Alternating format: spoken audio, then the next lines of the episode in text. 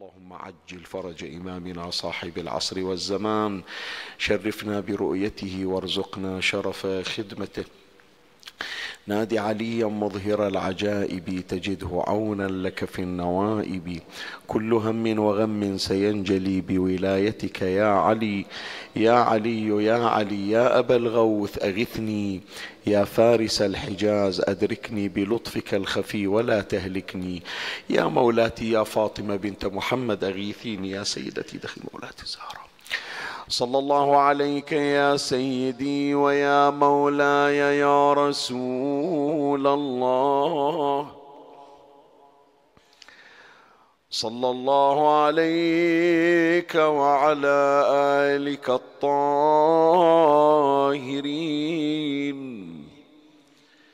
فاز من اعتصم بكم. وامنا من لجا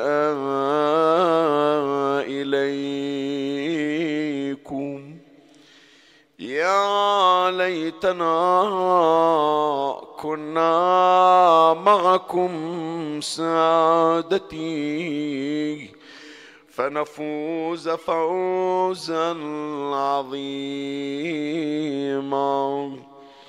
قال سيدنا ومولانا رسول الله صلى الله عليه وآله وسلم. من واسى الفقير وأنصف الناس من نفسه فذلك المؤمن حقا. الحديث المروي عن نبينا محمد صلى الله عليه وآله والذي أورده العلامة المجلسي على الله مقامه في بحار الأنوار الجزء 72 صفحة 25 من خلاله رسول الله صلى الله عليه وآله يضع لنا ضابطة.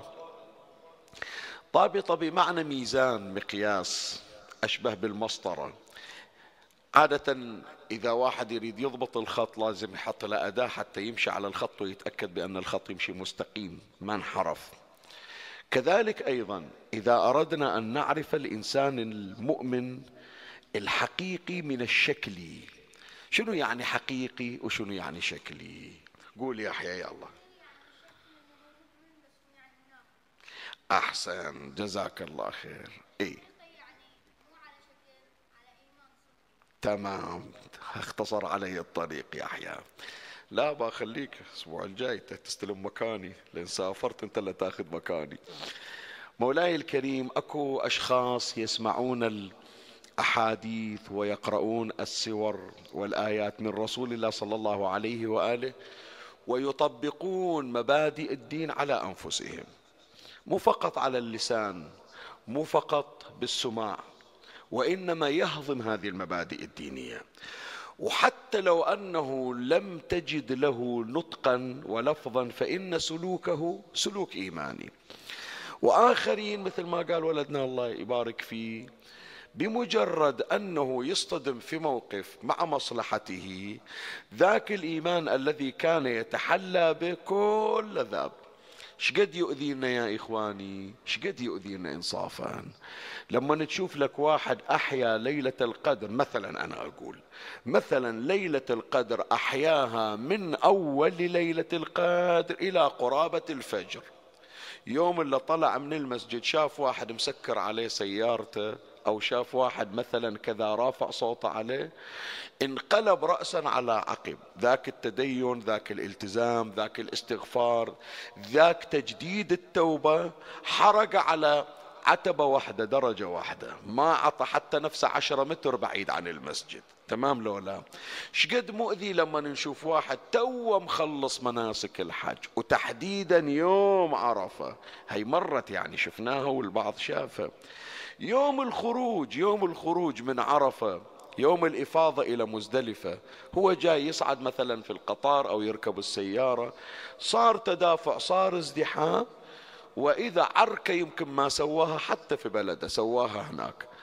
طيب إذا أنت كيوم ولدتك أمك وذاك الاستغفار وأنت تريد أنك تفتح صفحة جديدة دخيل الله خلي الآن نص الدفتر فيه سواد مو أول الصفحة. يعني مرة واحد افرض الدفتر ماله الكراس ماله في النص اكو مثلا جايب عشرين من مئة. شوية يقول ما يخالف. نص الدفتر الأول هاكم صححينه وجايب فيه تفوق لو رسب أو لو مثلا نقص درجاته في المنتصف يقولون بعد اجتهاد. مو أول القصيدة كفر.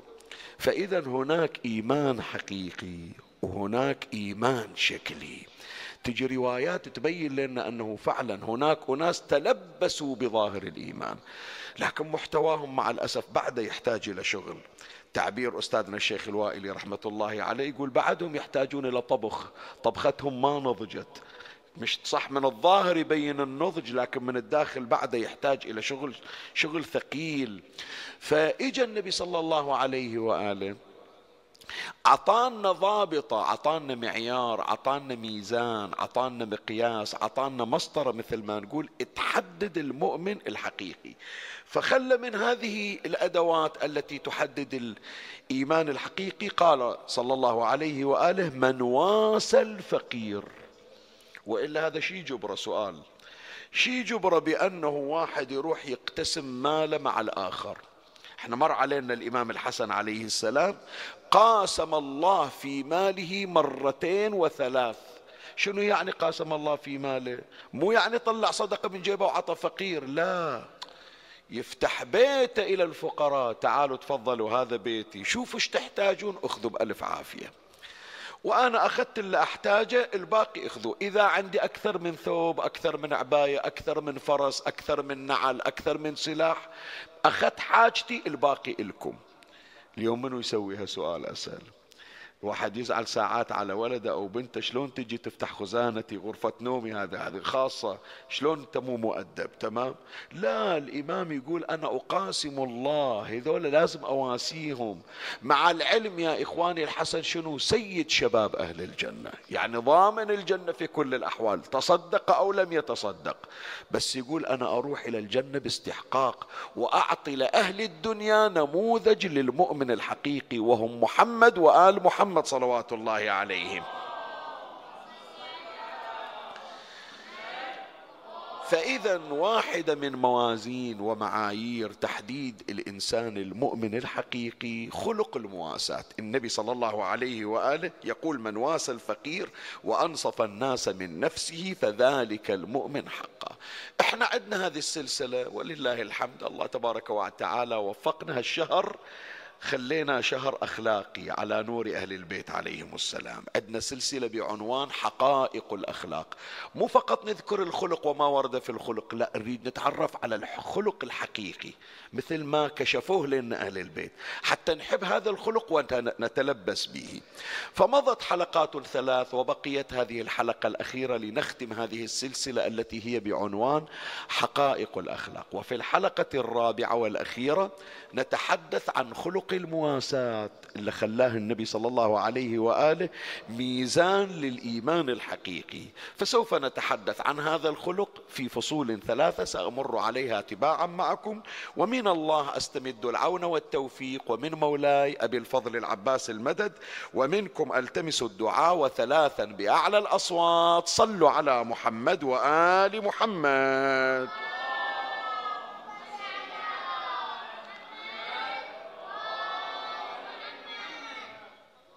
اللهم صل على محمد وآل محمد. اللهم صل على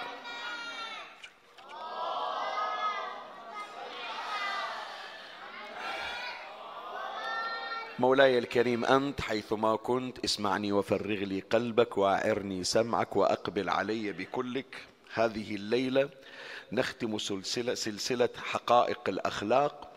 بالحلقة الرابعة وعنوان البحث فيها حقيقة المواساة ويحتوي البحث على فصول ثلاثة.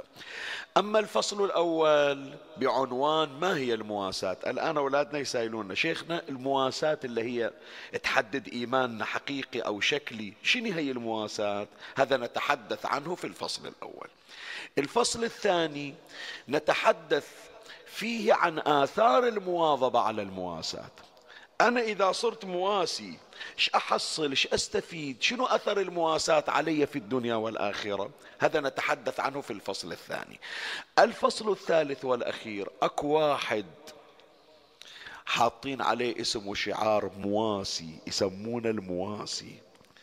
راح نشوف منو هذا الذي وفقه الله لأن يكون صاحب إيمان حقيقي كما قال رسول الله صلى الله عليه وآله وضرب المثل الأعلى في المواساة. هذا تلخيص إلى بحث هذه الليلة. أما الفصل الأول ما هي المواساة؟ خلنا نشوف العلماء عرفوا المواساة بشنو.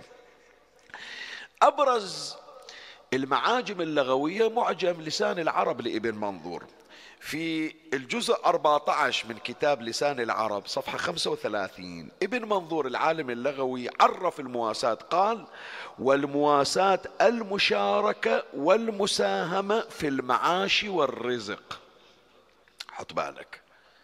اقرأ لك التعريف حتى تركز فيه لأنه أكو في لفتة جميلة لازم نتوقف عندها. قال والمواساة المشاركة. والمساهمة في المعاش والرزق. البعض من يجي يقرأ التعريف يقول المشاركة هي المساهمة. لما يقول مثلا هذا الزوج إلى زوجته أنت شريكة حياتي. شنو يعني الحياة الزوجية؟ يعني مشاركة مساهمة. فيتصورون البعض بأن المشاركة هي المساهمة. حتى يعني لما يسائلون شنو يعني واحد شريكة؟ يعني مساهم في الشركة. عنده أسهم في الشركة هذا معنى الشريك. لا المشاركة شيء والمساهمة شيء آخر. خلي أبين لك شنو المشاركة وشنو المساهمة. المشاركة يا إخواني يمكن هذا الطرف المقابل ما محتاج إلى فلوس. الله عاطلنا وغانلنا. لكن محتاج إلى مشاعر. محتاج إلى أحاسيس محتاج إلى واحد يآزره ويسانده ويوقف وياه في أفراحه وفي شدائده. أنا الحمد لله رب العالمين الله أعطاني كل خير. في أحسن وظيفة وأحسن راتب والحمد لله عندي بيت وبدال السيارة عندي ثنتين. لكن أنا منتقل إلى مكان جديد أنا جاي إلى بلد جديد والآن راح أزف ولدي راح أعرس ولدي. زين لما أسوي حفل الزواج ما عندي أهل منو راح يوقف وياي؟ فأنا أتمنى أهل المنطقة يوقفون وياي. هذا يمكن إحنا ولله الحمد في كثير من المناطق بالبحرين غير البحرين. ما محسوس هذا النقص شوف خلي الآن يصير حفلة زفاف في أي منطقة من مناطق البحرين أو القطيف أو الأحساء أو المدينة أو مثلا كذا سلطنة عمان أو غيرها أو العراق. بس شوف هذا اللي طلع راح المهجر ولا ما يقدر يرجع إلى بلده. عايش هناك يمكن بأوروبا أو بالولايات المتحدة. ما ما قاصر عليه شيء مثل ما يقولون البحارنا. في أحسن عيشة في أحسن سكن في أحسن جو في أحسن وظيفة. بس يوم اللي يريد يعرس ولده يريد واحد يوقف وياه يحسسه بأنه مو مقطوع مو واحد منبوذ. فلهذا تشوف الموجودين هناك لما يلتقون ويحضرون يمكن ما يعرفوا بس يسمع عنا أنا شفت هذا يا أحبتي بالتجربة. إحنا نزور المرضى عندنا بالبحرين وغير البحرين. أنا من أقول البحرين ما أهمش الآخرين معاذ الله بس أنا أضرب المثل يعني. لما نروح إلى المستشفى ونزور المرضى مو بس مرضانا لا إحنا نروح نزور إذا عندنا مريض ونطلع من عند المريض ونمر على سائر المرضى نسلم عليهم. يستانسون ويفرحون صحيح لولا أكو بعض المؤمنين الله وفقهم ما عنده مريض يعرفه هناك بالمستشفى لكن آلى على نفسه أن يعود المرضى وأن يزورهم. المرحوم سماحة العلامة السيد جواد الوداعي رحمة الله عليه كان يخلص من صلاة الجماعة من راس رمان ويجي إلى السلمانية أيام صحته وعافيته. ستة أدوار ستة طوابق يمر عليهم مريض مريض. سني شيعي يمكن هذا هندي جاي يشتغل في البحرين هندوسي أو سيك يمر عليهم السيد الرجل تسعين سنة عمره يمر عليهم كلهم واحد ورا الثاني. زين فالمرضى عندنا بالبلد يستانسون يفرحون. بس أنا شفت يا إخواني لما كنت في الدول الأخرى سواء في أوروبا أو غير أوروبا من نسمع عن مريض يقولون أكو واحد مثلا افرض عراقي افرض بحراني افرض خليجي مثلا وجاي يسوي عملية. نطلع نروح نزوره يا أخي كأنما طبق من فضة نزل من السماء فيه الصحة والعافية. هو على وشك راح يفارق الحياة بس يقول راح أموت ما عندي أحد. راح أموت ما عندي أحد أهلي مو وياي أقربائي مو وياي. فحاس إني مقطوع متجرع الموت بمرارة. من يشوف ناس تمر عليه وتسير عليه؟ صدق تدب فيه حياة مختلفة. فأنا الآن من أطلب من عندك مشاركة مو محتاج إلى فلوسك. لا مو محتاج إلى فلوسك بس محتاج إلى مشاعرك. من هنا يا إخواني؟ ما مر علينا بأن الإمام زين العابدين عليه السلام يحمل الجراب على ظهره؟ ما مر عليك؟ ينادون الفقراء والأطفال يقولون جاء صاحب الجراب. تتصور أنت هذا الجراب شنو فيه؟ بس أكل بس طعام؟ لا مو بس طعام. أكو واحد ما عنده أكل عنده فلوس لكن ما عنده أحد يطبخ له أو يمكن ما عنده لا فلوس ولا طعام مساكين. يحط لهم الإمام طعام. أكو أشخاص عندهم أكل لكن عليهم ديون. يحمل الإمام صرر الأموال يروح يقضي ديون الناس. أكو أشخاص لا جوعى ولا عليهم ديون ولا عندهم مرض. لكن كبروا ما حد وياهم. يجون أهل البيت يقعدون وياهم يسلونهم. تتذكرون يا أحبائي مار عليكم نقرأها ليلة 22 شهر رمضان؟ الشيخ المكفوف اللي كان أمير المؤمنين إي سلام الله عليه. يجي ويقعد عند الحسن والحسين بعد أن دفن أمير المؤمنين رجعوا مروا على ذلك الشيخ في الخريبة. فيسائلون يقولون منو أنت؟ قال أنا رجل غريب وإن لي شيخا كان يتعاهدني في كل ليلة. يجي يقعد وياي يسليني ويؤنسني بحديثه. هي المشاركة اللي نحكي عنها. المشاركة أشاركك بأفراحك بأتراحك. المشاركة تلقاني من يصير عندك مريض تلقاني من يصير عندك فاتحة تلقاني من يصير عندك عرس. أفرح إلك من يتخرج ابنك أفرح إلك من الله يوفقك. أول ما تجي تسكن عندنا ببلدنا من مت من المنطقة؟ بس طلع لك بيت أو اشتريت لك قطعة أرض عندنا. جينا دقينا عليك الباب بعدك ما تعرفنا. قاصر عليك شيء محتاج شيء هي يسمونها المشاركة. زين المساهمة شنو؟ المساهمة هي المواساة بالأموال بالرزق والمعاش. من واحد مثلا ما عنده شيء مو أقول لك بس ما عنده شيء عبروا عنهم اليوم ذوي الدخل المحدود. ما شكل يسمونهم؟ ذوي الدخل المحدود. يعني عنده لكن ما يكفي. يكفيه لكن ما يقدر يتوسع على نفسه بالحياة. إن شاء الله أحبائي تتابعونا أما بالحضور أو عبر البث الافتراضي ليلة غد ليلة شهادة الإمام الجواد عليه السلام. إيه رزقنا الله وإياكم قضاء حوائجنا وبلوغ مرادنا بجاه باب المراد محمد الجواد عليه السلام. راح أبين إن شاء الله ليلة باكر نموذج الإمام واحد من شيعته قال له سيدي سامحني ترى ما قدرت أدز لك حق شرعي. يا الله يا الله قدرت أعيش. أريد من عندك بس تدعي لي الله يوسع علي. مو هالشكل إحنا نطلب من أهل البيت؟ نقول علينا دين ضيق عندنا نتوسل ننذر المنو. شوف الإمام الجواد شو يقول. يقول مو بس أدعو الله أن يوسع عليك لتجدن مني ما يسرك ويغنيك. مو يصير حالك حال غيرك لا. ما دام أنا أحبك وأنت عزيز علي راح أخليك مترفه. ماكو شيء عندي يسمونه ذوي الدخل المحدود. هذا مصدر الإمام سلام الله عليه منهج الإمام الجواد. هذا أسسه أهل البيت عليهم السلام. حتى لو واحد عنده مثل ما تحب تترفه أنت مثل ما تحب تتوسع أنت خلي الآخرين هم أيضا يشاركونك في التوسعة ويشاركونك في الترفه. وهذا ما أشار إليه أمير المؤمنين سلام الله عليه. الرواية في كتاب جامع أحاديث أهل البيت عليهم السلام الجزء 11 صفحة 111 شوف شو يقول أمير المؤمنين عليه السلام. قال لا تعدن صديقا. اسمعوا شباب اسمعوا أولادي. يقول أنت عندك أصحاب واجد أنت عندك أصدقاء كثير. الليلة يقول افرزهم ذول الأصدقاء. أعطيك مسطرة ومش عليهم أصدقائك. شوف أصدقائك هالشكل لو لا. يقول الإمام لا تعدن صديقا من لا يواسيك بماله. هو الله موسع عليك لكن مكتفي بصداقتك بس يقعد وياك يسولف ويسمع عن ضيقك وإنت تجي تشكي له جاي تفضفض. ما قال قرصة الخبز نتقاسمها. ما قال الدينار اللي عندي نص دينار إلك ونص دينار إلي. ما قال أقدمك على نفسي حتى أترجم لك الصداقة الحقيقية. صداقة مو سوالف ولا ضحك ولا ابتسامات. صداقة مواقف يا إخواني. صداقة تلقاني وقت الشدة حتى لو ما عندي شيء.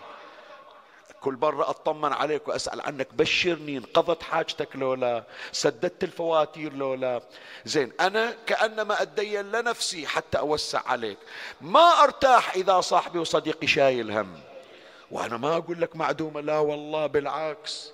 والله يا إخواني أحكي لك وبقسم أيضا. عندنا أصحاب وأصدقاء وعندنا جماعة نعرفهم. أنتجت فيهم منابر الحسين عليه السلام. تربوا من أخلاق أهل البيت. ما يرتاحون يقولون هذا فلان اللي ويانا نطلع الأربعينية وهذا فلان اللي من نخلص من التعزية رحنا الموكب. شلون نسمع عنه أنه متضرر وما نوقف وياه؟ إذا ما نوقف وياه إحنا منو اللي يوقف وياه؟ هذه هي المواساة الحقيقية. وتعرف منو سيد المواساة؟ أمير المؤمنين علي بن أبي طالب. سلام الله عليه. هي كم مرة إحنا ذكرناها؟ ونرد نذكرها. وأأكد عليها يا إخواني. كل سنة بشهر رمضان أأكد عليها وهالمرة أأكد عليها. لا تقول لي علي بن أبي طالب فقير. شباب أولاد حط بالك يحيى. أمير المؤمنين مو فقير. لا تسمع أجي كلمة لقد رقعت مدرعتي هذه حتى استحييت من راقعها. ولا تمر عليك رواية أن نعل أمير المؤمنين انقطع من ليف وقام يفتل الليف ورد يصلحه يعني تقول علي بن أبي طالب فقير. علي بن أبي طالب من أثرى الأثرياء. علي بن أبي طالب عليه السلام مزرعة واحدة. اسمعني إيش أقول لك؟ اسمع ركز في العبارة. مزرعة مزرعة من مجموعة مزارع. من, مز من مجموعة مزارع مزرعة واحدة يسمونها البغيبغة حطوا فيها مليونين درهم. تعرف مليونين درهم بذاك الوقت شنو؟ ميزانية دول. روح اقرأ إحنا قارينها بمجالس أخرى. عرضوا اجى حاكم الشام إلى الحسين عليه السلام بعد شهادة أمير المؤمنين. قال ما أقدر أشتري أشتري ممتلكات أبوك كلها. بس عندكم مزرعة يسمونها البغيبغة. أعطيك الآن مئتين ألف دينار ذهب يعني مليونين درهم.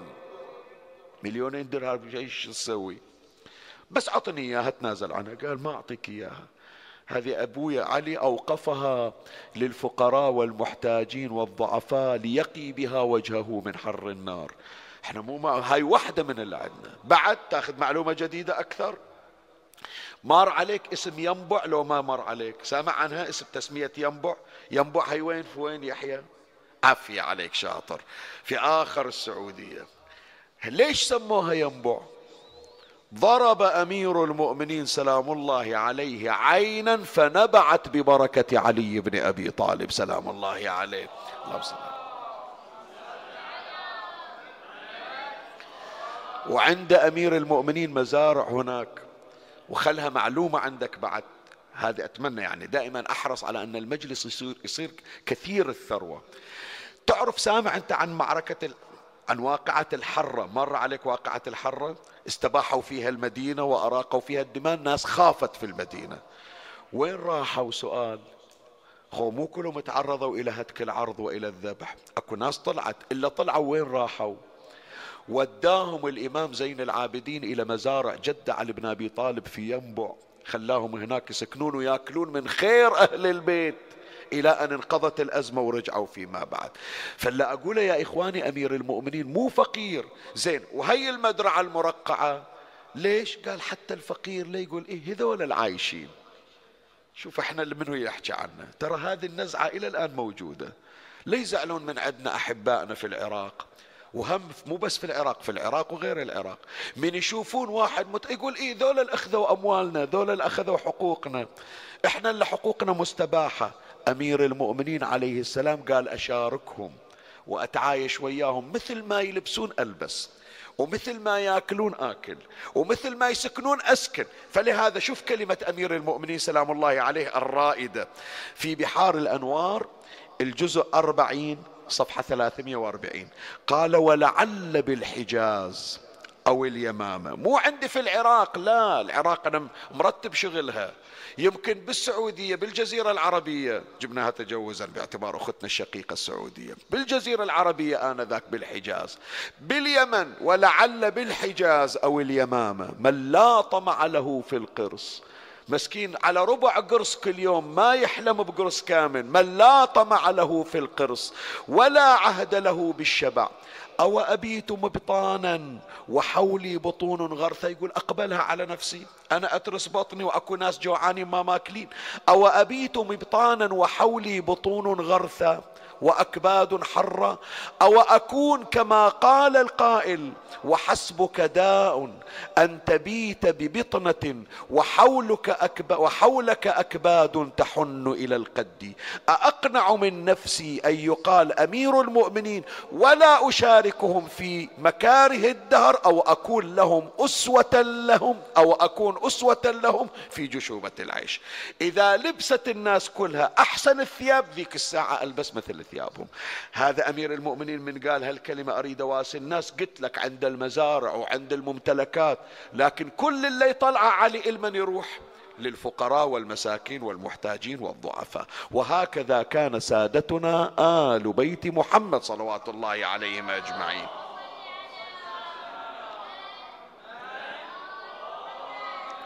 فإذا في البداية عرفنا معنى المواساة ما هي. قلنا هي مشاركة ومواساة. إذا محتاج إلى أموال تواسيني وتساهم بأموالك وأنا أساهم و... وهي الصناديق الخيرية والجمعيات الخيرية والمشاريع. هي تعرب عن المواساة الحقيقية. والمشاركة أن تشاركني المشاعر. طيب إجا الإسلام. أكد على هذا الحس. قال لابد الإنسان ما يصير مؤمن حقيقي إلا إذا كان مواسي. صلاتك صيامك حجك زيارتك العمرة كل هذا صح هذا بينك وبين الله. لكن انت مطلوب من عندك حتى تكتمل حتى تصير مئة بالمئة مؤمن. الناس تشوف تطبيق هذا الدين في سلوكك. وقفتك وياهم زين شوف ماذا يقول إمامنا الصادق عليه السلام. وهذا الحديث يا إخواني خطير جدا. بمعنى الكلمة خطير. أنا من كتبته توقفت عنده وظليت أطالع يعني لابد الواحد يحاكم نفسه قبل لا يعرض اللي يقراه على الآخرين. الحديث في بحار الأنوار الجزء 71 صفحة 391 إلى الإمام الصادق عليه السلام. قال امتحنوا شيعتنا. شنو يعني امتحنوا شيعتنا؟ شوية خلنا نتأمل فيها. يعني يقول راح أحط لكم مقاييس. كل واحد يقول أنا شيعي أو تشوفونه حتى لو ساكن حتى لو يصلي وياكم حتى لو يعزي وياكم. طبقوا هالثلاثة أمور عليه. إذا شفتونا ملتزم فيها إيه هذا شيعي صحيح. إذا شفتونا ما يسويها لا والله عياذ بالله ما نقول مو شيعي لكن بعد تشيع ناقص لم يتم. يقول الإمام الصادق عليه السلام امتحنوا شيعتنا عند مواقيت الصلاة. من يقول الله أكبر هو وين؟ بعد في الساحة يلعب بعد الموبايل في ايده بعد يريد يكمل المسلسل بعد هي السالفة ما خلصت؟ لا. ترى أنت تحكم على نفسك فعلا التزمت بالتشيع أو لا؟ تراخيت وتنازلت. امتحنوا شيعتنا عند مواقيت الصلاة. كيف محافظتهم عليها؟ وإلى أسرارنا عقيدتنا هذه. لا تروج شيء وتصير سبب لهتك ستر أهل البيت. وإلى أسرارنا كيف حفظه كيف حفظهم لها عند عدونا. بعد شاهدنا في هالعبارة. وإلى أموالهم كيف مواساتهم لإخوانهم فيها. واحد يقول للإمام الصادق سيدي إن شاء الله أنا شيعي حق. أنا من قبل الأذان بنص ساعة بالمسجد وقاعد على المصلات. إيه ما يخالف. إخوانك جيرانك اللي تدري عنهم بضائقة. إيش سويت؟ واسيتهم لو لم تواسيهم. فجعل الإمام سلام الله عليه مواساة الإخوان بالأموال تعادل الصلاة التي هي عمود الدين حتى تثبت بأنك شيعة حقيقي. ولهذا أذكر لك قصة من أجمل القصص. راح أقراها لك نصا بس خلي أقدمها لك في البداية. أبو ذر الغفاري صاحب رسول الله صلى الله عليه وآله. يوم من الأيام طلع ويا النبي في غزوة تبوك. والنبي صلى الله عليه وآله ويا الجيش وأبو ذر مسكين رجل فقير معدم يريد يصعد على دابة ويروح وياهم. ما حصل إلا جمل والجمل مثل ما يقول البحراني مدقدق. يا الله يقدر يرفع رجل وينزل رجل. الجيش مشى تحرك. وهذا الجمل على راحته شايل رجل ومنزل رجل. أنا انضرب ما يتحرك وأنا انضرب ضربة الثانية قعد على الأرض. زي شو أسوي؟ بيروح علي الجهاد. وهالجمل هالاغبر مو راضي يتحرك. شو نسوي يعني؟ لا صارت مسافة بين النبي وبين أبي ذر ثلاثة أيام. من هالجمل هذا العجوز اللي مو راضي يتحرك. آخرة هالجمل بعد برك. قال له أبا ذر سامحنا الله وياك روح دبر عمرك. هذا حدي جبت لك هالمسافة. إيه فأبو ذر شال أغراضه وحطها على ظهره وخلى الجمل وراح يركض يريد يلحق على النبي حتى يشاركه في غزوة تبوك. رسول الله صلى الله عليه وآله من بعيد شاف غبرة. قال شوفوا من اللي جاي. وقفت الناس تطالع وإذا النبي أشر يقول كن أبا ذر أريدك أبو ذر. وإذا أبو ذر جاي قالوا إيه يا رسول الله صدق أبو ذر ترى جاي. هذا إحنا نشوفه من بعيد. قال جهزوا له ماي ترى عطشان. حضروا احتياجاته جيبوا له ماي. جهزوا الماي من اجى أبو ذر؟ من شدة العطش ذب روحه على الأرض. أثار طيلة هالمدة ثلاثة أيام ما شارب ماي. جابوا للماي عطوا الماي كذا ارتاح. من طلع أغراضه عنده مثل ما نقول إحنا بطل الماي غرشة الماي ويا بالأغراض. قربة ماي حاط له ماي مرتب بارد بس ما يشربه. ليش ما يشرب الماء أبو ذر؟ ما يتقدم على النبي عفي عليك. خلنا نقرأ الرواية ونشوف. الرواية يرويها العلامة المجلسي على الله مقامه في بحار الأنوار الجزء 21 صفحة 215 قال في غزوة تبوك وكان أبو ذر رحمه الله تخلف عن رسول الله صلى الله عليه وآله ثلاثة أيام. وذلك أن جمله كان أعجف فلحق به بعد ثلاثة أيام. قال ووقف عليه جمله في بعض الطريق فتركه وحمل ثيابه على ظهره. فلما ارتفع النهار صار الظهر نظر المسلمون إلى شخص مقبل فقال رسول الله صلى الله عليه وآله كن أبا ذر. فقالوا هو أبو ذر. صدق يا رسول الله هذا أبو ذر جاي. فقال رسول الله صلى الله عليه وآله أدركوه بالماء فإنه عطشان. فأدركوه بالماء. ووافى أبو ذر رسول الله صلى الله عليه وآله ومعه أداة فيها ماء. طلع الأغراض شايلينها على ظهره. من نزل أغراضه وطلع ثيابه الماء محمول وياه. فقال رسول الله صلى الله عليه وآله يا أبا ذر معك الماء وعطش كان شرب ثلاثة أيام أنت مو شارب ماء شوف إيش قال. فقال نعم يا رسول الله بأبي أنت وأمي. شوف الكلمة الجميلة. انتهيت إلى صخرة عليها ماء السماء. يعني مطر ينزل على الحجارة ويتجمع من المطر. فذقته فإذا هو عذب بارد. من ردت أشرب الماء؟ فقلت لا أشربه حتى يشربه حبيبي رسول الله صلى الله عليه وآله.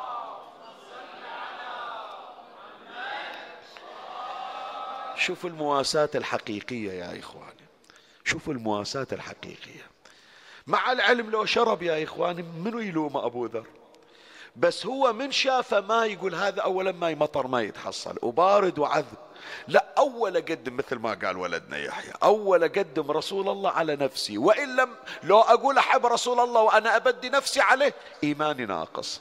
فإذا عرفنا ما هي المواساة وبينا كيف أن الإسلام أكد عليها وكيف أن أهل البيت وأصحاب النبي طبقوا المواساة حقا حق التطبيق. نجي إلى الفصل الثاني. طيب شيخنا ترست رأسنا مواساة ومواساة واسوا الفقراء وشاركوا الناس أفراحهم وأتراحهم. وروحوا فواتح وروحوا جنايز وروحوا عود المرضى. زين أنا إيش أحصل؟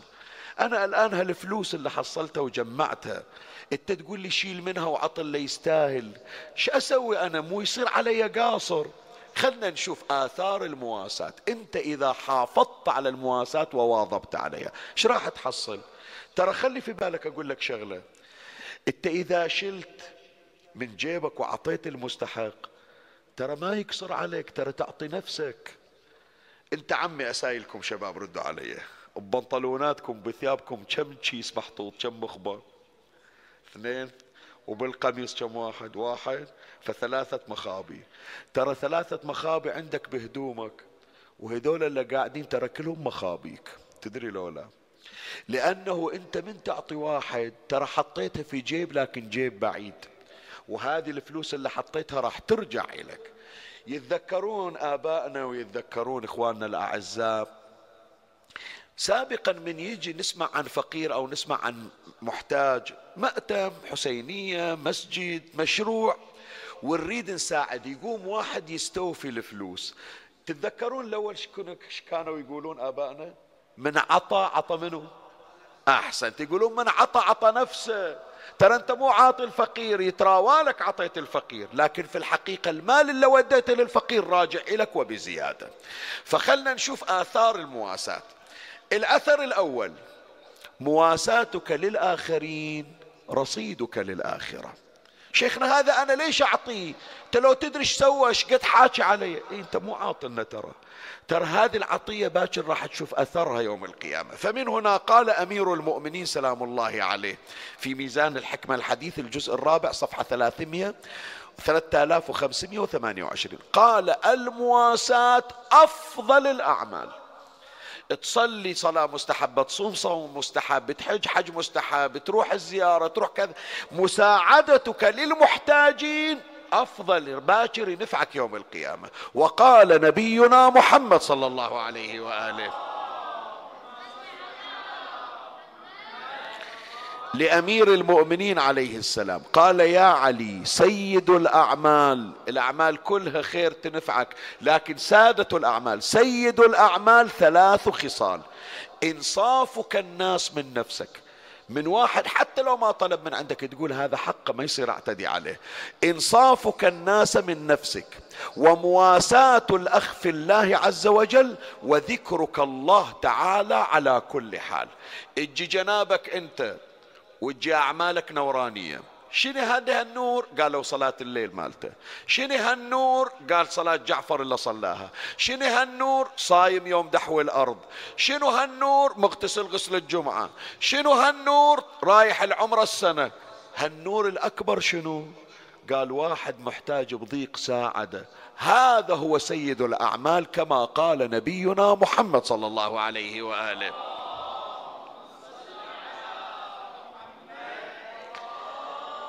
من آثار المواظبة على المواساة هذا اللي يواسي الناس دائما. تهون عليه سكرات الموت. أجارنا الله وإياكم من سكرات الموت. اليوم أكو كثير من الأشخاص يقول أنا أحط لي مبلغ للمستقبل. شلون؟ قال لو أمرض وذيك الساعة أحتاج عملية منو يوقف وياي؟ فأنا مخلي لي رصيد مخلي لي تأمين صحي. يوديه ابنه أو أخوه إلى أرقى المستشفيات. يقول ما أروح أي مستشفى عادي أروح مستشفى خاص وبرا فلوس مجمعينها حتى أضمن صحتي وأضمن عافيتي. ودى المريض إلى أرقى المستشفيات في العالم. سكنوه أفضل غرفة جابوا له أفضل طبيب جراح ترفقوا به أحسن الأجهزة أحسن التحاليل. لا ما نفعت العملية. شافوه وإذا خلاص في لحظاته الأخيرة وأخذ يعالج سكرات الموت. إيه. يجي للطبيب تعال يا طبيب دافع لك فلوس كل شيك بعده بخباتك. دبر هذا. أشوفه الآن جاي يعالج جاي ينازع. سوي له قال خلاص أقدر أساعدك ما دام هو بعد من أهل الدنيا ما دام انتقل إلى العالم الأخروي. خلاص غسلت إيدي. دور لك واحد يساعده. إيه. والتفت الساق بالساق وقيل شنو؟ من راق من راق يعني منو يساعده في موته منو يخفف عليه سكرات الموت.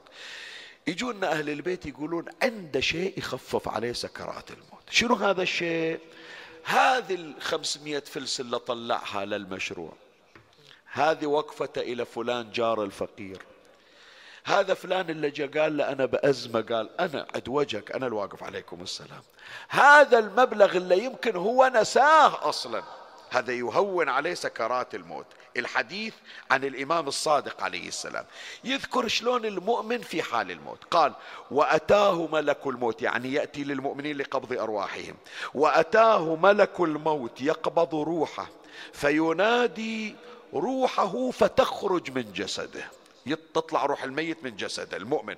قال فأما المؤمن فما يحس بخروجها ما يدري أصلا انه بل بالعكس. الروايات تشير إذا عنده آلام من حادث من مرض من تبتدئ روحه بالخروج كل الآلام كل التعب إيه يهدأ ذيك الساعة. فلهذا قال فأما المؤمن فما يحس بخروجها. وذلك قوله سبحانه وتعالى يا أيتها النفس المطمئنة ارجعي إلى ربك راضية مرضية فادخلي في عبادي وادخلي جنتي. زين منو ذول اللي يرتاحون وقت سكرات الموت؟ يقول الإمام الصادق. ثم قال ذلك لمن كان ورعا مواسيا لإخوانه وصولا لهم.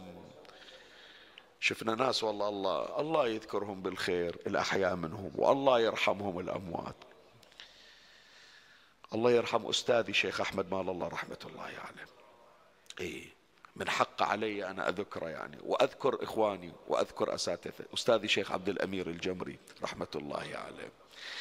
شيخ أحمد رحمة الله عليه ما حد يدري عنه إلا الخواص من تلامذته ومو كل تلامذته. يحط من تسميها إحنا البحر البحرين نسميها ماكلة. ماكلة شنو؟ يعني احتياجات ميرة البيت. روز سكر احتياجات أدوية والمبلغ. ويدور على بيوت المحتاجين. ولا يرضى أحد يدري عنه. ومثل ما نقول بالبحرين يهدد عليهم يأكد عليهم. ديروا بالكم تحجون. أبدا اسكت ولا تتكلم. ولا تقول فلان متى درينا؟ بعض الأشخاص يا إخواني خول كنا إحنا وياه نساعده في نقل الأغراض ندري عنهم. وآخرين يا إخواني لما دفن شيخ أحمد رحمة الله عليه. إيه تالي تبين جت الاتصالات ديروا بالكم علينا ترى أبوكم ما قصر ويانا بحياته. شوف هذول وقت الموت يا إخواني الله يسهل ويهون عليهم سكرات الموت. تطلع أثر المواساة هي من آثارها تهوين سكرات الموت. بعد من نقول إحنا من عطى عطى منه عطى نفسه. هذه المواساة تزيد في الرزق. الحديث عن أمير المؤمنين سلام الله عليه. قال ومواساة الأخ في الله عز وجل تزيد في الرزق. في بحار الأنوار الجزء 73 صفحة 314 أنت توسع على روحك. الصدقة ما تكسر من فلوسك ترى تزيد فلوسك. هذه الأرزاق تزداد بالمشاركة وبالمواساة. وأما الأثر الرابع حتى نختم مجلسنا صار لنا أربعين دقيقة نقرأ الآن. الأثر الرابع والأخير تعرف هذا انت اللي تعطيه حاجته وتوقف وياه بالشدة. ترى اشتريت أخوته. ما دام هو نبيل وما دام هو طاهر وما دام نفسه نفس سمحة وعنده نبل وعنده فعلا رفعة وكرامة وعزة حتى لو يوم من الأيام يغضب عليك ما ينسى المعروف ولا ينسى الجميل. إي والله ودعتك ما ينسى. حتى لو زعلته حتى لو صدر من عندك شيء. لو يريد يقاطعك يقول بس ما أقدر أنسى جميلة. ترى ما حد وقف وياي غيره. وإذا بعد حكى عليك إذا اضطر أنه يحكي عليك يقول لكن أقول لك صح. هو أخطأ أخطأ. لكن الرجال صاحب معروف وصاحب خير وصاحب أيادي بيضاء. فأحسنت. فأنت تضمن أخوة هذا الشخص بالمواساة. الحديث عن أمير المؤمنين سلام الله عليه. حديث في كتاب جامع أحاديث أهل البيت الجزء 11 صفحة 117 قال ما حفظت الأخوة بمثل المواساة. هذا هو القفل اللي حتى تريد الأخوة تهرب أنت لازمنها وقافل عليها. احسن إي نعم أحسن إلى من شئت تكن أميرا. تصير صاحب جميل عليه. فلهذا يا أحبتي أكو واحد سموه المواسي.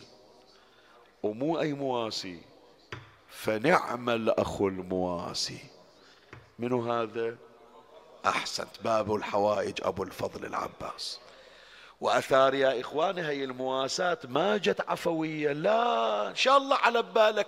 ذيك الساعة العباس عند الماي قاعد يفكر أواسي الحسين ما أواسي أشرب الماي لو أخلي. لا. ولهذا يا إخواني حطوا بالكم. الآن احفظوها.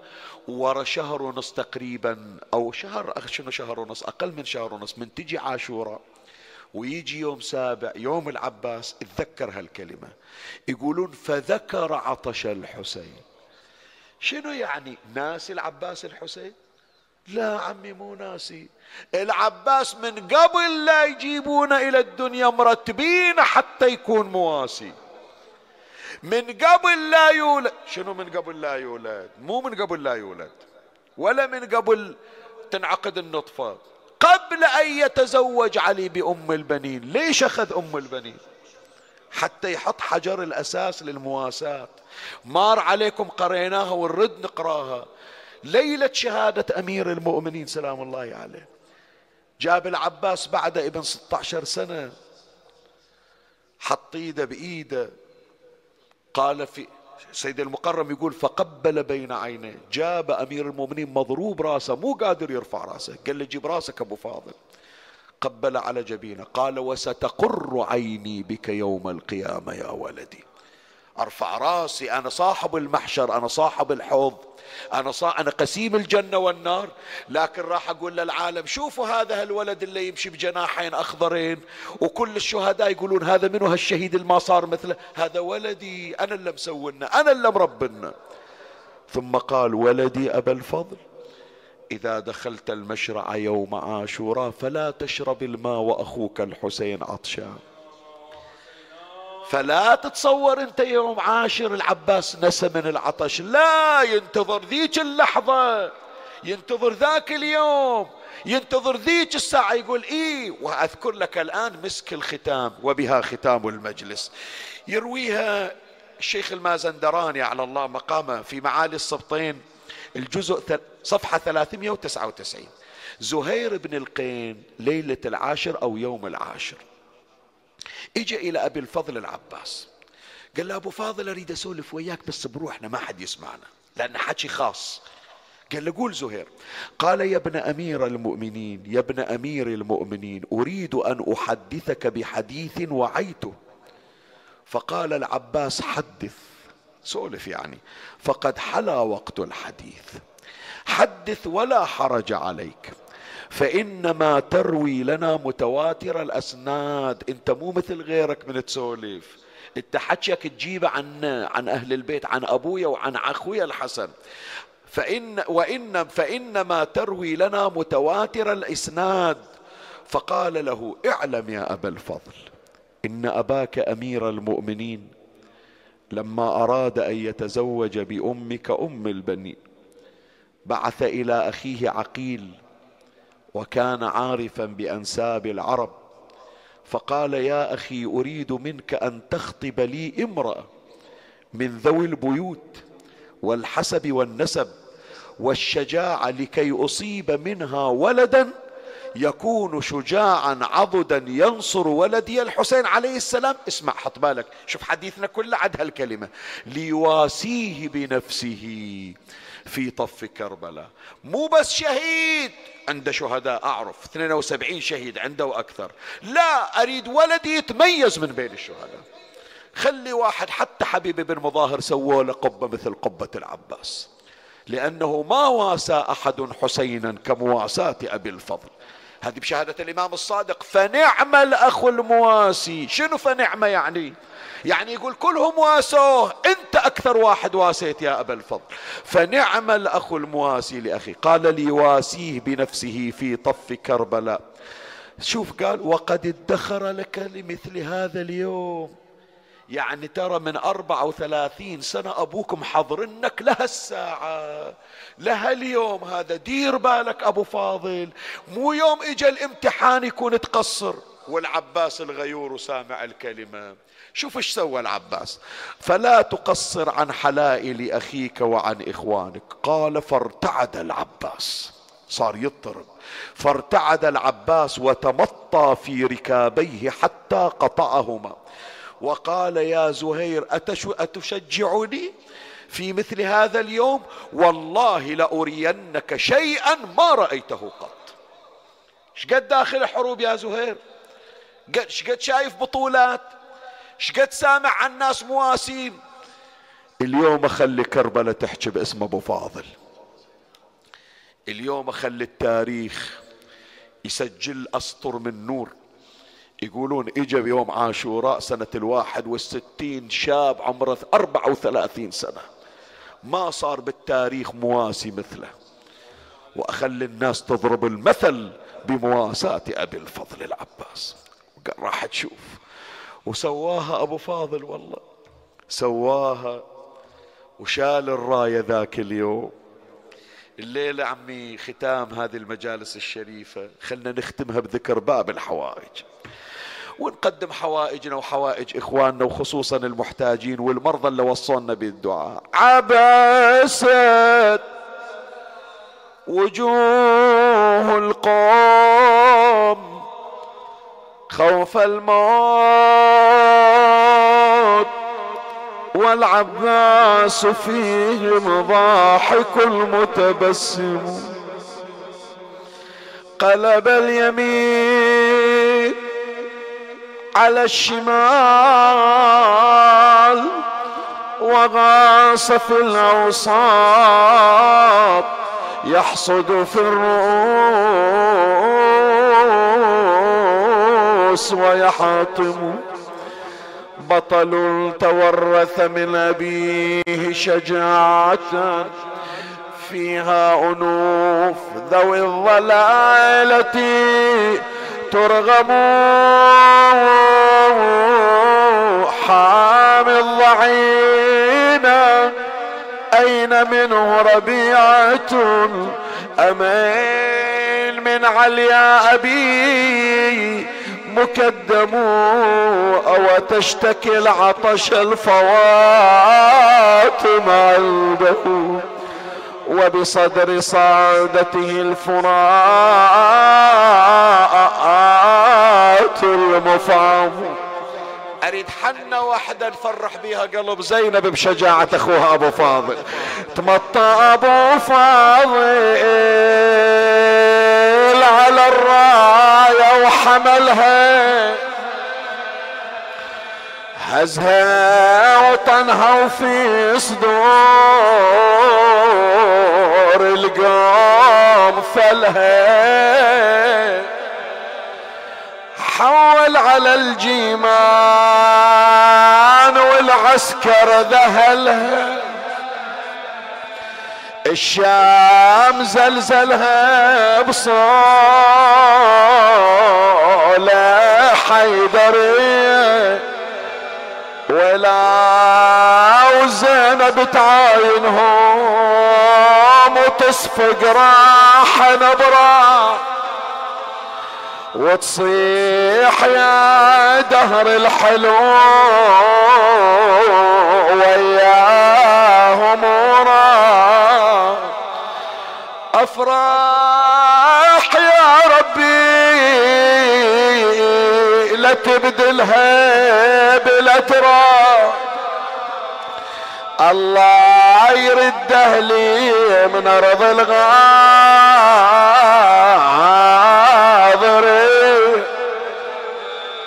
دخل إلى المشرع اغترف غرفة يا نفس من بعد الحسين.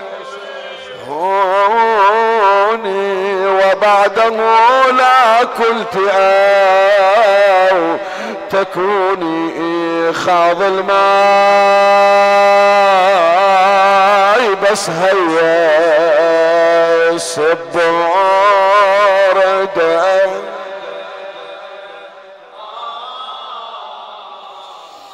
وأن عاشورائية تحضير إلى عاشوراء من الآن واستعداد.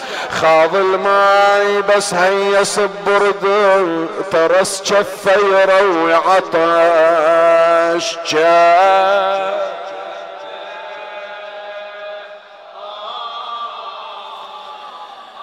تذكر لأن أخوه حسين بعد ذب الماي من جفه وتحسى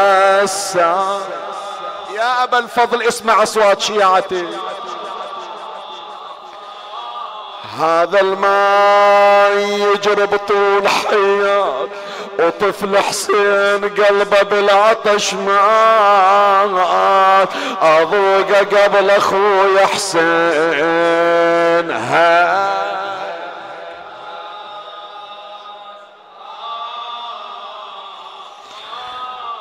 ولسار الدهر ما يوم فرحني.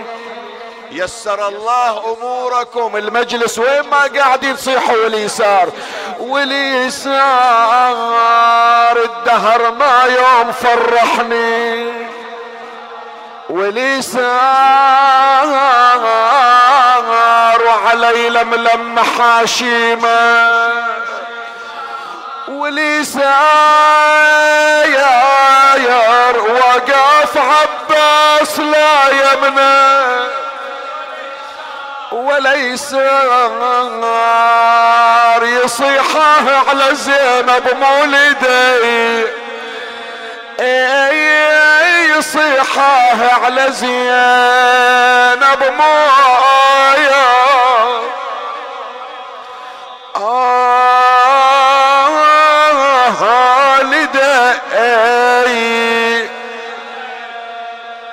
مجلس مميز ومنظور إن شاء الله. وروح أم البنين ويانا المجلس على ولدها عمي من رجع الحسين إلى زينب تقول له تسولف لي عن شلون ذاك الغالي شلون؟ قال يا زينب جفوفه راحت قالت يا ريت يجي يوم وأنا اللي أشيل جفوفه بيدي. أنا اللي كنت أشيله يوم هو طفل وأنا اللي كنت أقمطه وأنا اللي كنت أعالجه من مريض. من وقع ما حضرت له ويوم اللي رادت زينب تطلع من كربلاء قالت بيت الشعر بلسان حاله. يا سعد من يوصل إلى المسنات ساعة؟ يشوف الذي قطعه وعلى جوده ذراعه. قصدي اوصل بالفضل وأكثر وداعه. ورد اخضره هجموا العيد الخيمة علينا. الله يا أبو فاضل نسيتون الوديعة. ظليت نايم يا حبيب على الشريعة. مرمي على المسنات كفنك قطيعة. والعالم في بردك يا خويا كاسرين. بصوت واحد نقرأ تحرك يا شيعة صاحب النفس الأبية. قالها يا زينب ضيعتك اي عيدة عيدة وياي. تحرك يا شيعة صاحب النفس الأبية قالها يا زينب ضاعتك. يا عزيزة الكرار غاقتني المني مرمي على المسنات لا يمنى ولا شمال. ولا عين ولا عين أنا أخوك الما وقف مهرب. ولا عين ولا عين عتابك ذوب ضلوعي ولا عين أنا لا يسرى ولا يمنى.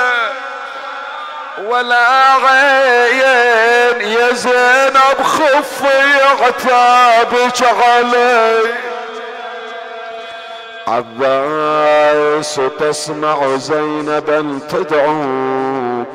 من لي يا أخي إذا العدا ضربوني اللهم صل على محمد وآل محمد. يا قاضي الحاجات يا مجيب الدعوات يا سامع الشكايات اسمع لنا واستجب يا الله. اللهم اقض حوائجنا وحوائج المحتاجين فرج عنا وعن المؤمنين اشف مرضانا وأمراضنا يا رب العالمين. عجل اللهم فرج إمامنا صاحب العصر والزمان. شرفنا برؤيته وارزقنا شرف خدمته. ترحم على أموات وأموات الباذلين والسامعين والمؤمنين سيما من لا يذكره ذاكر ولا يترحم عليه مترحم. أوصل لهم جميعا ثواب هذا المجلس الشريف وبلغهم ثواب الفاتحة مع الصلوات.